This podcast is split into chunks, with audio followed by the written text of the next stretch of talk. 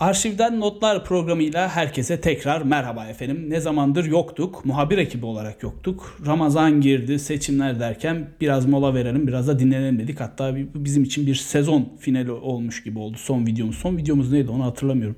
Şuraya bir yere yazarız oradan bakarsınız ekleriz. Ha şuraya da ekleriz. Efendim Arşivden Notlar programında bu bölümde Osmanlı'nın belki de en sevilmeyen kişisi olan Fehim Paşa'yı ele alacağız. Nereden çıktı Fehim Paşa konusu? Sevgili Mustafa Bozkurt'un Rex Historia kanalında işlediği bir konuydu. Ayrıca Mehmet Berk Yaltırık'ın da anlattığı ilginç isimlerden birisiydi bu. Onlara da çok teşekkür ediyorum. Onlardan da faydalandım. Heh, hatırlatmak isterim ki bu bölümde tabii ki de Cem ve İhsan yok. Burada gördüğünüz gibi. Onlar cezalı değiller. Bu programda yerleri yok. Sadece ben varım. Belki ilerleyen bölümlerde kendileri de gelirler bilmiyorum. Neyse konumuza dönelim. Fehim Paşa konusu Lex Historia ve Mehmet Berk Yaltırık e, son Gulyabani'nin işlediği konulardı. Benim de ilgimi çekti. Biraz araştırdım. Onlardan da faydalandım.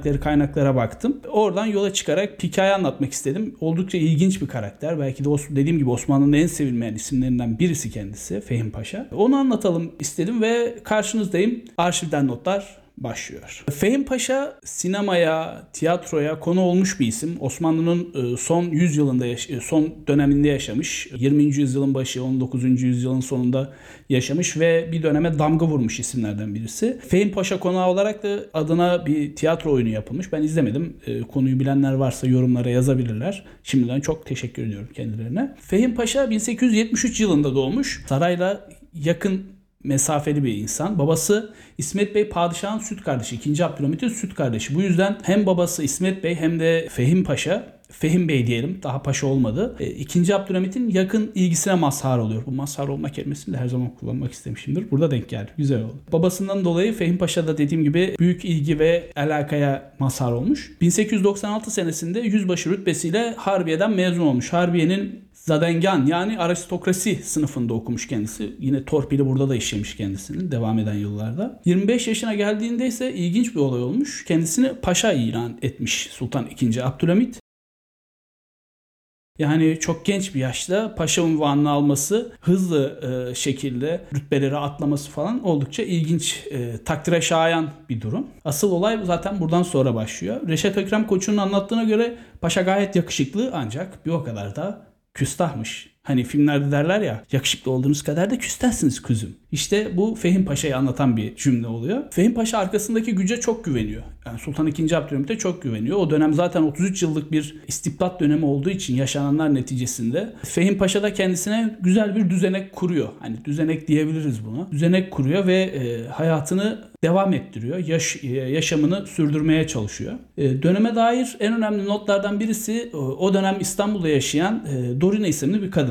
Dorina Hanım'ın anlattığına göre Fehim Paşa oldukça hırslı, oldukça olaylı bir kişiliğe sahip.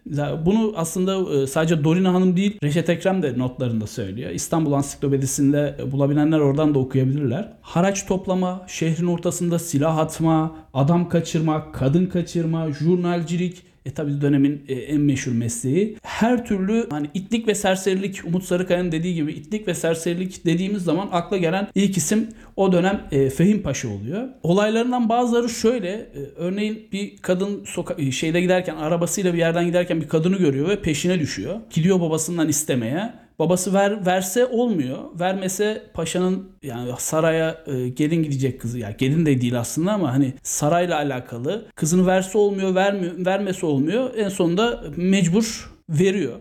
Hatta söylenenlere göre Fehim Paşa'nın hareminin e, padişahtan daha büyük olduğu yönünde rivayetler var. Yani o derece kendisi bir çapkın çapkın kelimesini çok kullanmak istemiyorum ama yani tırnak içinde e, oraya denk geliyor. Hoşuna giden kızın peşine düşüyor. Zorla evinden çıkartıyor veya babasından zorla alıyor. Haremine katıyor. E, malı mülkü de çok. Haraç dedim az önce söylediğim gibi bayağı esnafın anasını ağlatan cinsten bir mafyaymış kendisi. Kabadayıymış. Mafya demiyorum o zamanlar mafya çok yoktu. Kabadayıymış. Esnaftan haraç topluyormuş. Esnaftan haracı istiyormuş haracı vermeyince saraya bu hürriyetçidir diyerekten yani o dönemin, dönemin meşhur jurnallerinden olan hürriyetçidir, padişaha karşıdır deyip adamın malına mülküne çökülmesine çökülmesini sağlıyormuş. Saray geliyor tabi sen diyor hürriyetçisin veya padişahın aleyhisindesin, vatan hainisin deyip mallarını alıyorlar. Sonra da Fehim Paşa sen bunu ihbar ettin, çok güzel iş ettin, teşekkür ediyoruz deyip adamın mallarını Fehim Paşa'ya veriyorlarmış. Malı mülkü de çok fazlaymış. Hatta bu, haraç alma mevzundan bir, e, bir benzerini de arabası, o meşhur bir sarı arabası varmış. Öyle söyleniyor.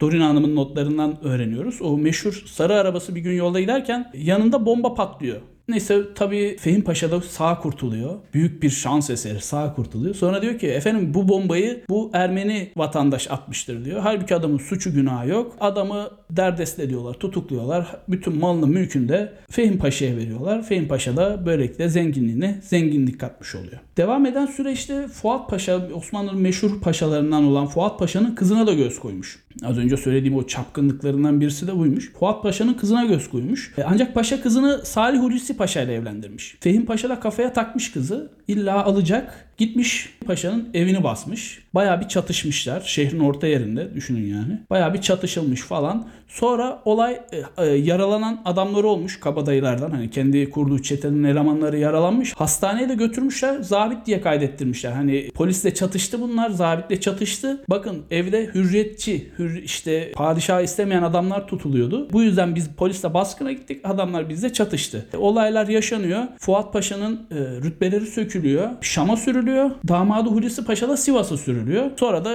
detayları çok ben de öğrenemedim. Kızı ne oluyor, alıyor mu, kaçırıyor mu, başka bir şey yapıyor mu? Ama Fuat Paşa'nın da başına böyle bir e, olay açıyor kendisi. Devam eden süreçte aslında Paşa'nın başını yakan olay Alman gemisine çökmek istemesiyle meydana geliyor. Boğaz'da gördüğü e, bir gemiye adamlarını yolluyor. Diyor ki gidin bunu çökün diyor. Adamlar da gidip gemiye çökmeye çalışıyorlar. Sonra öğreniliyor ki Gemi aslında Türk gemisi değil Alman gemisiymiş ve Almanlara ait keresteleri getiriyormuş. Bu Alman Büyükelçiliğine yansıyor. Alman Büyükelçiliği de saraya nota veriyor. Sarayda diyor ki ya hemen aman efendim yani olur gençtir e, bir hata yapmıştır affedin. Almanlar yok diyor olmaz e, katiyen bunun cezalandırılması gerekiyor deyip inat ediyorlar. İyi de ediyorlar aslında inat ediyorlar. Padişah da gönülsüz olarak bunu Bursa'ya sürüyor. Ama Bursa'ya sürülmek de değil. Yani buradan giderken ama şey sanki sürü alayı gidiyormuş gibi derler. Öyle bir şaşayla deptebeyle gidiyor Bursa'ya. Biraz uğraşıyor. Orada da mektuplar yazıyor. Padişahım ben geri döneyim şöyle olsun falan ama 2. Abdülhamit çok fazla cevaplar, cevap vermiyor aslında. Çok fazla demiyorum. Hiç cevap vermiyor kendisine. O da bakıyor ki olacak gibi değil. Bari burayı haraca bağlayayım deyip Bursa'da e, yaşadığı konağın etrafında olaylar çıkarmaya başlıyor. Oradaki sınıfı haraca bağlıyor. Oradaki kadınlara e, musallat oluyor. Neyse tarihler 2. meşrutiyetin ilanına geliyor. Meşrutiyet, hürriyet ilan ediliyor. Hani bu sürekli jurnallediği kişiler sonunda padişahı deviriyorlar. Fehim Paşa'nın da padişaha yakın olunduğu biliniyor. Konağından çıkarılıyor. Ailesinin gözü önünde linç edilerek öldürülüyor. Osmanlı'nın da son döneminde böyle bir adama rastlıyoruz. İlginç bir karakter kendisi. Dediğim gibi belki de Osmanlı'nın en sevilmeyen adamlarından birisiydi. Çeşitli yapımlarda, televizyon yapımlarında kendisi farklı bir bakış açısıyla gösteriliyor ama öyle olmadığı, olmadığı yaşamından, notlardan, tarihi vesikalardan, saraydaki jurnallerden, o dönem yaşanan olaylardan gayet iyi görünebiliyor. O yüzden hani tarih okurken dizilerden değil de belgelerden, bilgilerden öğrenmek daha mantıklı diyorum. Arşivden Notlar programı bu bölümünde sonuna gelmiş olduk. Kanalımıza abone olmayı, like atıp e, videoya yorum yazmayı, sonuna kadar videoları izlemeyi unutmayın. Bir sonraki bölümde görüşmek üzere. Hoşçakalın.